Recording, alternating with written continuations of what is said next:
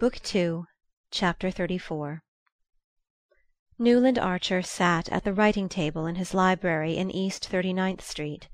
He had just got back from a big official reception for the inauguration of the new galleries at the Metropolitan Museum, and the spectacle of those great spaces crowded with the spoils of the ages, where the throng of fashion circulated through a series of scientifically catalogued treasures, had suddenly pressed on a rusted spring of memory. "Why, this used to be one of the old Cesnola rooms!" he heard some one say; and instantly everything about him vanished, and he was sitting alone on a hard leather divan against a radiator, while a slight figure in a long sealskin cloak moved away down the meagrely fitted vista of the old Museum. The vision had roused a host of other associations and he sat looking with new eyes at the library which for over thirty years had been the scene of his solitary musings and of all the family confabulations. It was the room in which most of the real things of his life had happened. There his wife, nearly twenty six years ago, had broken to him, with a blushing circumlocution that would have caused the young women of the new generation to smile, the news that she was to have a child and there their eldest boy, Dallas, too delicate to be taken to church in midwinter, had been christened by their old friend the Bishop of New York the ample magnificent irreplaceable bishop so long the pride and ornament of his diocese. There Dallas had first staggered across the floor shouting "Dad!" while May and the nurse laughed behind the door. There their second child, Mary, who was so like her mother had announced her engagement to the dullest and most reliable of Reggie Chivers's many sons; and there Archer had kissed her through her wedding veil before they went down to the motor which was to carry them to Grace Church; for in a world where all else had reeled on its foundations the Grace Church wedding remained an unchanged institution. It was in the library that he and May had always discussed the future of the children the studies of Dallas and his young brother Bill. Mary's incurable indifference to "accomplishments" and passion for sport and philanthropy, and the vague leanings toward art which had finally landed the restless and curious Dallas in the office of a rising New York architect. The young men nowadays were emancipating themselves from the law and business and taking up all sorts of new things. If they were not absorbed in state politics or municipal reform, the chances were that they were going in for Central American archaeology, for architecture or landscape engineering, taking a keen and learned interest in the pre revolutionary buildings of their own country, studying and adapting Georgian types, and protesting at the meaningless use of the word colonial. Nobody nowadays had "colonial" houses, except the millionaire grocers of the suburbs. But above all sometimes Archer put it above all it was in that library that the Governor of New York, coming down from Albany one evening to dine and spend the night, had turned to his host and said, banging his clenched fist on the table and gnashing his eye glasses: "Hang the professional politician! You're the kind of man the country wants, Archer. If the stable's ever to be cleaned out, men like you have got to lend a hand in the cleaning." Men like you! How Archer had glowed at the phrase! How eagerly he had risen up at the call! It was an echo of Ned Winsett's old appeal to roll up his sleeves and get down into the muck, but spoken by a man who had set the example of the gesture, and whose summons to follow him was irresistible. Archer, as he looked back, was not sure that men like himself were what his country needed, at least in the active service to which Theodore Roosevelt had pointed. In fact there was reason to think it did not, for after a year in the State Assembly he had not been re elected, and had dropped back thankfully into obscure if useful municipal work, and from that again to the writing of occasional articles in one of the reforming weeklies that were trying to shake the country out of its apathy. It was little enough to look back on, but when he remembered to what the young men of his generation and his set had looked forward the narrow groove of money making, sport and society to which their vision had been limited even his small contribution to the new state of things seemed to count, as each brick counts in a well built wall. He had done little in public life; he would always be by nature a contemplative and a dilettante; but he had had high things to contemplate, great things to delight in, and one great man's friendship to be his strength and pride. He had been in short what people were beginning to call a good citizen. In New York for many years past every new movement philanthropic, municipal, or artistic, had taken account of his opinion and wanted his name. People said, "Ask Archer," when there was a question of starting the first school for crippled children, reorganizing the Museum of Art, founding the Grolier Club, inaugurating the new library, or getting up a new society of chamber music. His days were full, and they were filled decently. He supposed it was all a man ought to ask. Something he knew he had missed the flower of life. But he thought of it now as a thing so unattainable and improbable that to have repined would have been like despairing because one had not drawn the first prize in a lottery. There were a hundred million tickets in his lottery, and there was only one prize. The chances had been too decidedly against him. When he thought of Ellen Olenska it was abstractly, serenely, as one might think of some imaginary beloved in a book or a picture. She had become the composite vision of all that he had missed. That vision, faint and tenuous as it was, had kept him from thinking of other women. He had been what was called a faithful husband, and when May had suddenly died, carried off by the infectious pneumonia through which she had nursed their youngest child, he had honestly mourned her. Their long years together had shown him that it did not so much matter if marriage was a dull duty as long as it kept the dignity of a duty; lapsing from that, it became a mere battle of ugly appetites. Looking about him, he honored his own past and mourned for it. After all, there was good in the old ways.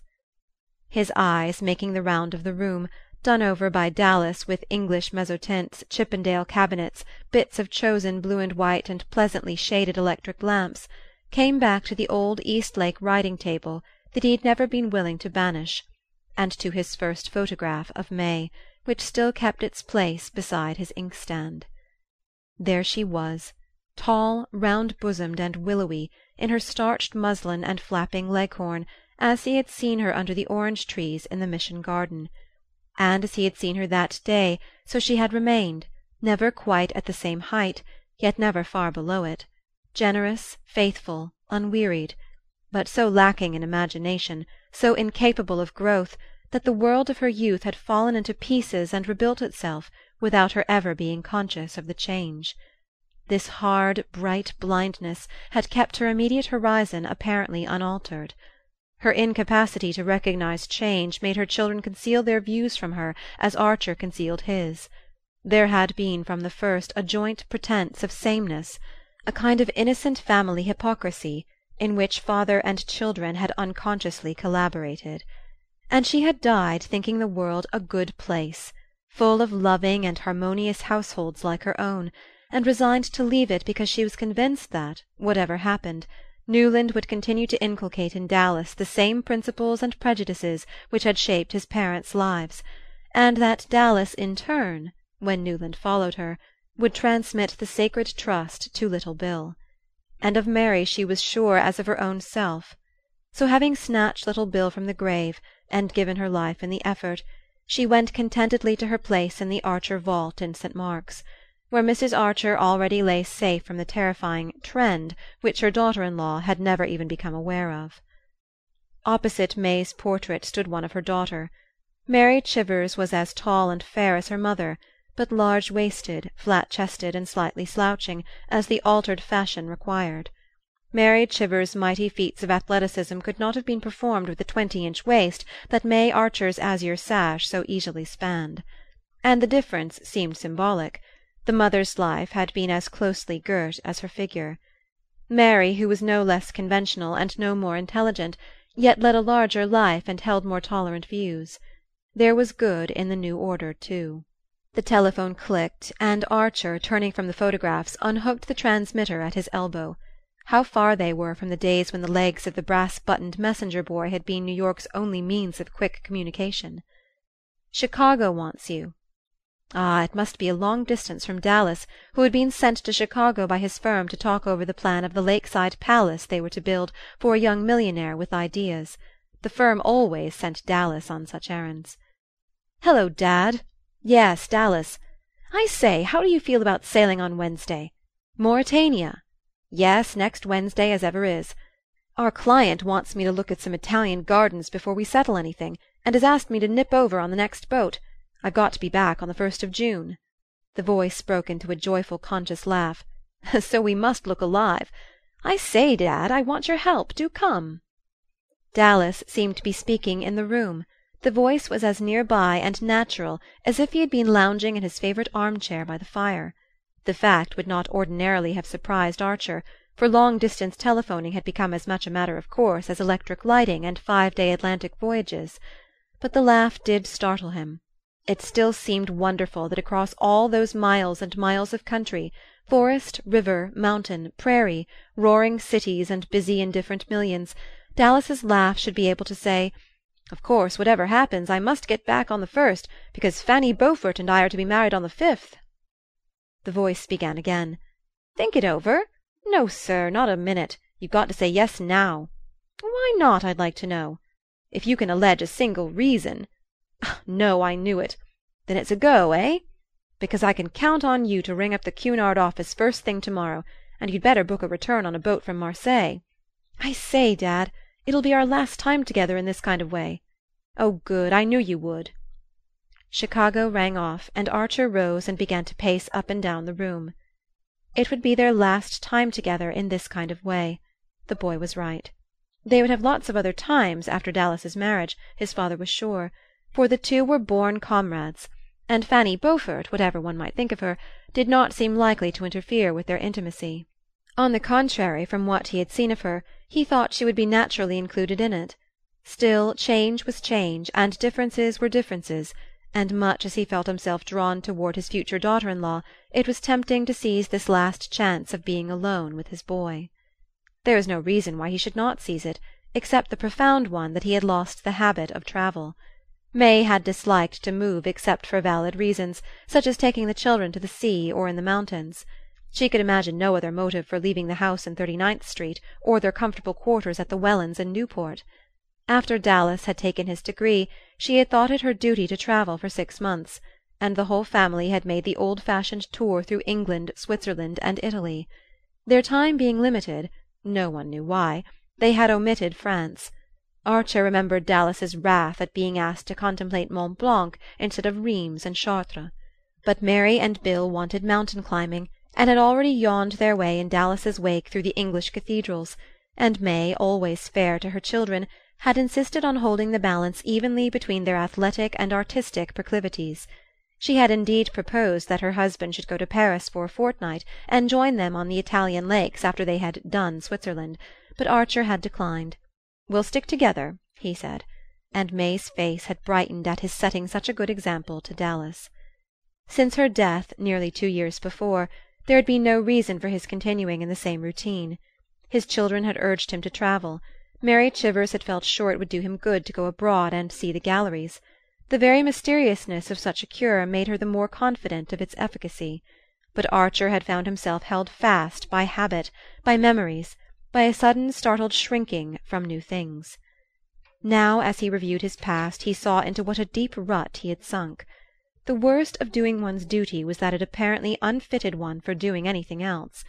At least that was the view that the men of his generation had taken. The trenchant divisions between right and wrong, honest and dishonest, respectable and the reverse, had left so little scope for the unforeseen. There are moments when a man's imagination, so easily subdued to what it lives in, suddenly rises above its daily level, and surveys the long windings of destiny. Archer hung there and wondered. What was left of the little world he had grown up in, and whose standards had bent and bound him? He remembered a sneering prophecy of poor Lawrence Lefferts, uttered years ago in that very room. "If things go on at this rate our children will be marrying Beaufort's bastards." It was just what Archer's eldest son, the pride of his life, was doing, and nobody wondered or reproved. Even the boy's Aunt Janey, who still looked so exactly as she used to in her elderly youth, had taken her mother's emeralds and seed pearls out of their pink cotton wool, and carried them with her own twitching hands to the future bride; and Fanny Beaufort, instead of looking disappointed at not receiving a set from a Paris jeweller, had exclaimed at their old fashioned beauty, and declared that when she wore them she should feel like an Isabey miniature. Fanny Beaufort, who had appeared in New York at eighteen, after the death of her parents, had won its heart much as Madame Olenska had won it thirty years earlier; only instead of being distrustful and afraid of her, society took her joyfully for granted. She was pretty, amusing and accomplished; what more did any one want? Nobody was narrow minded enough to rake up against her the half forgotten facts of her father's past and her own origin. Only the older people remembered so obscure an incident in the business life of New York as Beaufort's failure, or the fact that after his wife's death he had been quietly married to the notorious Fanny Ring, and had left the country with his new wife and a little girl who inherited her beauty. He was subsequently heard of in Constantinople, then in Russia and a dozen years later American travellers were handsomely entertained by him in Buenos Ayres, where he represented a large insurance agency. He and his wife died there in the odor of prosperity, and one day their orphaned daughter had appeared in New York in charge of May Archer's sister in law, Mrs. Jack Welland, whose husband had been appointed the girl's guardian. The fact threw her into almost cousinly relationship with Newland Archer's children, and nobody was surprised when Dallas's engagement was announced. Nothing could more clearly give the measure of the distance that the world had travelled. People nowadays were too busy, busy with reforms and movements, with fads and fetishes and frivolities, to bother much about their neighbours. And of what account was anybody's past, in the huge kaleidoscope where all the social atoms spun around on the same plane?